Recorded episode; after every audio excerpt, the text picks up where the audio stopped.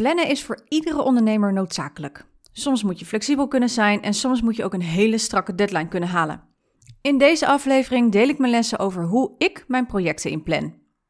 Hey, welkom en tof dat je luistert naar deze podcast A Piece of Website, waarin ik je wekelijks tips en tricks geef over het maken, onderhouden en uitbouwen van jouw website, zodat jouw website voor je gaat werken en jij meer klanten en leads kunt aantrekken.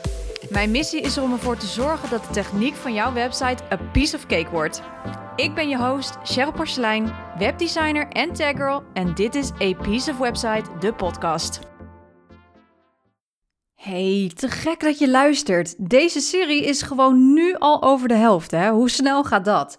En ik krijg nog steeds de gekke reacties van jou als luisteraar, dus super bedankt en natuurlijk ook mega bedankt dat je mij volgt in deze reis.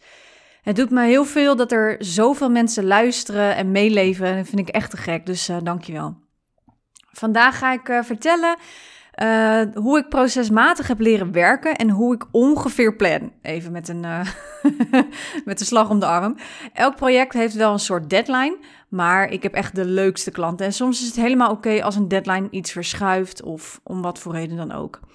Maar je moet wel een systeem hebben om dat je op een gegeven moment ook wilt gaan afronden. Nou ben ik heel eerlijk, echt een systeem heb ik nog niet. Dus ik kan ook niet zeggen, je kunt het beste dit gebruiken of dit. Uh, maar ik heb wel flink geleerd over het goed op orde hebben van je bedrijf. Ik heb ook al vele tools gebruikt om een goede planning te maken. En ik ben ook langzamerhand ook dingen achter de schermen aan het aanpassen en zoeken naar uh, oplossingen. Zodat ook ik uiteindelijk kan zeggen, dit werkte voor mij heel goed. Maar ik heb ook geleerd bijvoorbeeld dat het oké is dat je projecten bijvoorbeeld ruimer inschat. Goed, laat ik gewoon eens terugkijken op uh, ja, toen ik net begon. Um, ik moest natuurlijk toen tijdens mijn studies, hè, uh, uh, moest ik het werk om, er omheen plannen, dus om mijn huiswerk heen plannen. Nou, ik kan je vertellen, het huiswerk dat was tijdens mijn studies aanzienlijk. en aangezien dat voorrang krijgt natuurlijk, moet je tussendoor je projecten gaan plannen. Nou, nu had ik gelukkig nog niet zo heel veel klanten tussen aanhalingstekens, want Um, ja, anders had ik dit nooit kunnen wegzetten. Dan had, ik, dan had ik of moeten kiezen om mijn studie goed te doen en mijn klanten links te laten liggen, of vice versa. Nou heb ik wel natuurlijk redelijk goed zelf leren plannen. Hè? Zoals ik al zei in de vorige aflevering, ik ben in het mbo in een flexklas terechtgekomen... waar je echt op jezelf aangewezen was, ook qua planning.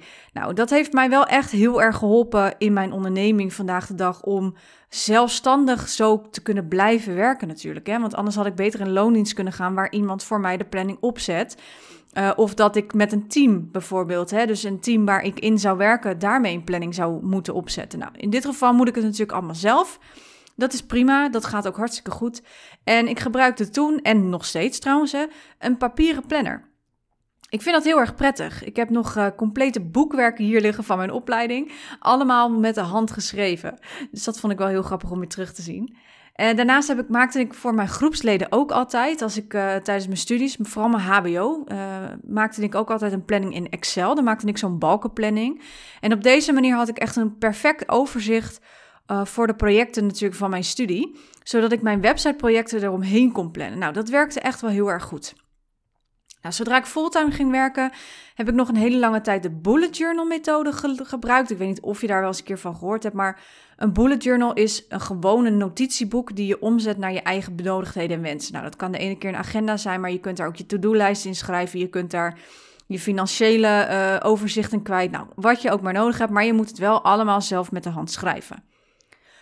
Maar hoe meer projecten ik natuurlijk kreeg, hoe minder ik tijd had om het steeds bij te houden. Hè? Want wat ik al zei, ik moet het elke dag met de hand uitschrijven. Nou, dus ben ik weer digitaal weer wat meer gaan plannen. Uh, ik gebruik altijd wel standaard Google Calendar, want die synchroniseert natuurlijk met al mijn uh, apparaten, met mijn telefoons. Dus, dus ik heb altijd, waar ik ook ben, mijn afspraken altijd bij de hand. Dus dat vind ik wel heel erg prettig. Maar ik heb bijvoorbeeld ook voor uh, planning tools, heb ik bijvoorbeeld Asana geprobeerd. Nou, dat was uiteindelijk niet helemaal wat ik zocht. Nou, sinds twee jaar gebruik ik nu Trello voor mijn to-do-lijsten per project. En daarin maak ik dus lijsten en plaats ik daarbij wat ik binnen dat project moet doen. Dus als stel dat ik een websiteproject heb, dan ga ik helemaal uitschrijven: oké, dan en dan moet ik een designconcept uh, hebben staan en gestuurd hebben. Als dat goedgekeurd is, dan kan ik door met het bouwen. Nou, daarin zitten weer een aantal stappen en zo heb ik dat helemaal per stap in het gehele project uitgewerkt. Nou, daarin maak ik dus lijsten. Ehm, en uh, um, daar kan ik dus uh, deadlines aangeven. Dus het kan ook aangeven van, nou, dan moet het uit, af zijn, zeg maar. Nou, als je hier meer over wilt weten, check dan even, vooral even mijn blog. Ik heb hier een blog over geschreven waarin ik ook laat zien hoe ik met Trello werk. Of luister anders even mijn podcast aflevering nummer 18. Daar vertel ik ook van alles hoe ik met Trello precies werk.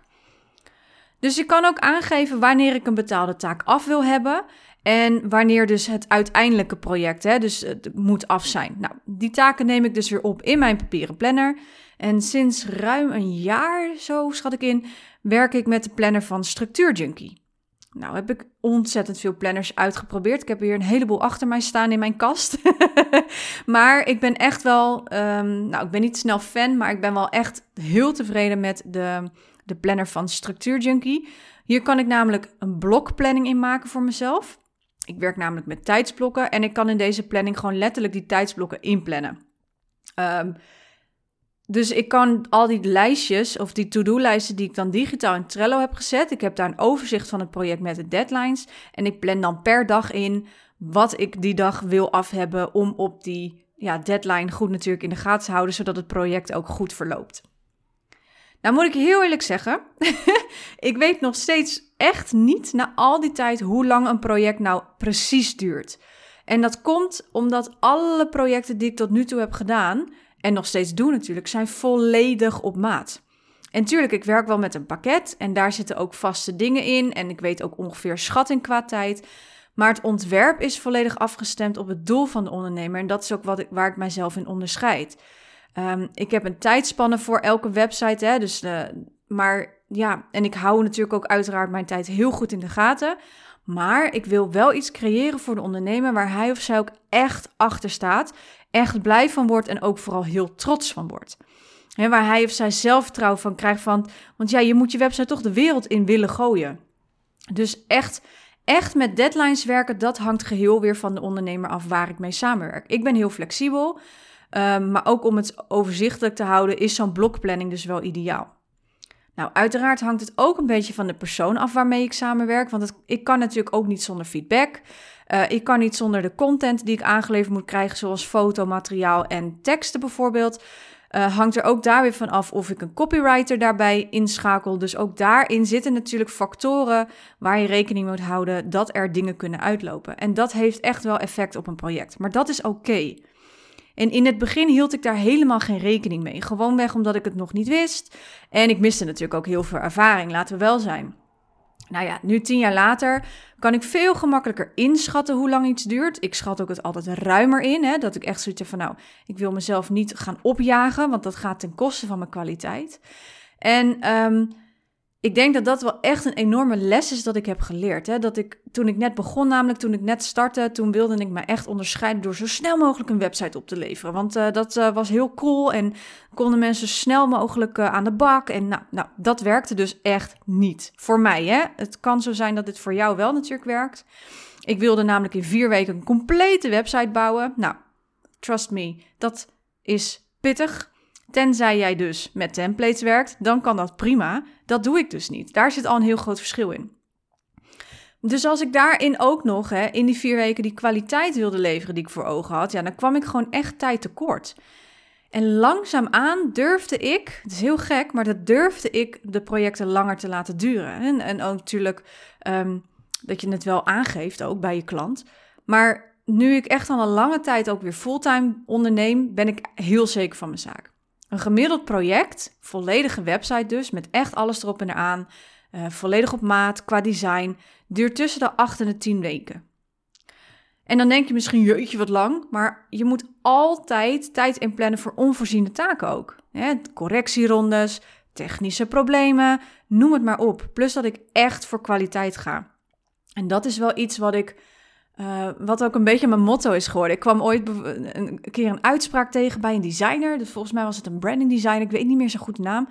Maar die zei: um, Je hebt snel, goed en goedkoop. En je mag er maar twee kiezen.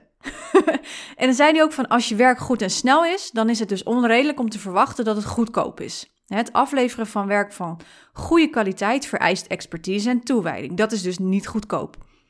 Nou, als je werk snel en goedkoop is, dan is het onredelijk om te verwachten dat het van hoge kwaliteit is. Hè? Als je klant snel iets in elkaar gedraaid wil hebben voor een lage prijs, prima. Maar dat is waarschijnlijk niet mijn beste werk. Nou, en als laatste natuurlijk heb je de keuze uh, als je werk goedkoop en goed is. Dan is het onredelijk om te verwachten dat het snel af is. Je kunt iets van hoge kwaliteit maken voor een beperkt budget, dat kan. Maar als je dat doet, dan heeft dit project waarschijnlijk een lagere prioriteit dan opdrachten natuurlijk die meer betalen. Dus ook hier, dus dat heeft mij toen echt wel aan het denken gezet. Hè, van oké, snel, goed en goedkoop, kies er twee. Ik ga voor goed. En um, ja, goedkoop in die zin dat, um, dat ik niet snel wil in ieder geval. Eh, goedkoop zeg ik ook niet liever, maar wel betaalbaar. Um, maar snel is bij mij echter meteen uitgegaan, omdat ik gewoon echt goed als, uh, als uh, standpunt wil hebben en kwaliteit. En dat heeft mij ook wel toen echt aan het denken gezet. Het heeft wel heel veel impact gehad op hoe ik nu zeg maar mijn bedrijf run. En tuurlijk, ik plan, maar ik doe geen afbreuk aan mijn kwaliteit. En ik wil dus ook niet snel. Ik ga echt voor unieke designs en ik wil de ondernemer de zelfvertrouwen geven die ze verdienen. Dat ze aan iedereen vol trots die website willen laten zien. En de klanten daarmee kunnen aantrekken die ze dus zo graag willen. Net zoals ik. Ik heb echt de allerleukste klanten om mee te werken. En daarin kan ik impact maken. En ik wil dat jij als ondernemer ook de impact kan maken met wat jij doet. Zonder dat je zorgen hoeft te maken over hoe je website eruit ziet. En dat je denkt van, oh, ik ga maar niet mensen naar, of naar mijn website sturen. Of, oh ja, maar hè, dat je je website naar iemand toestuurt en zegt, nou, maar hij is nog niet af hoor. Er wordt nog uh, dit en zo. Dat zijn allemaal excuses. Um, waar je dat zegt van, oké, ik ben niet blij met mijn website. Dus dat is wel, dat is misschien voor jou om iets over na te denken. En ik heb ook heel veel tools geprobeerd. Nou, ik ben op dit moment ook de planning tool uh, van Toggle aan het uittesten. Toggle heeft een aantal tools, waaronder een tijdstoel.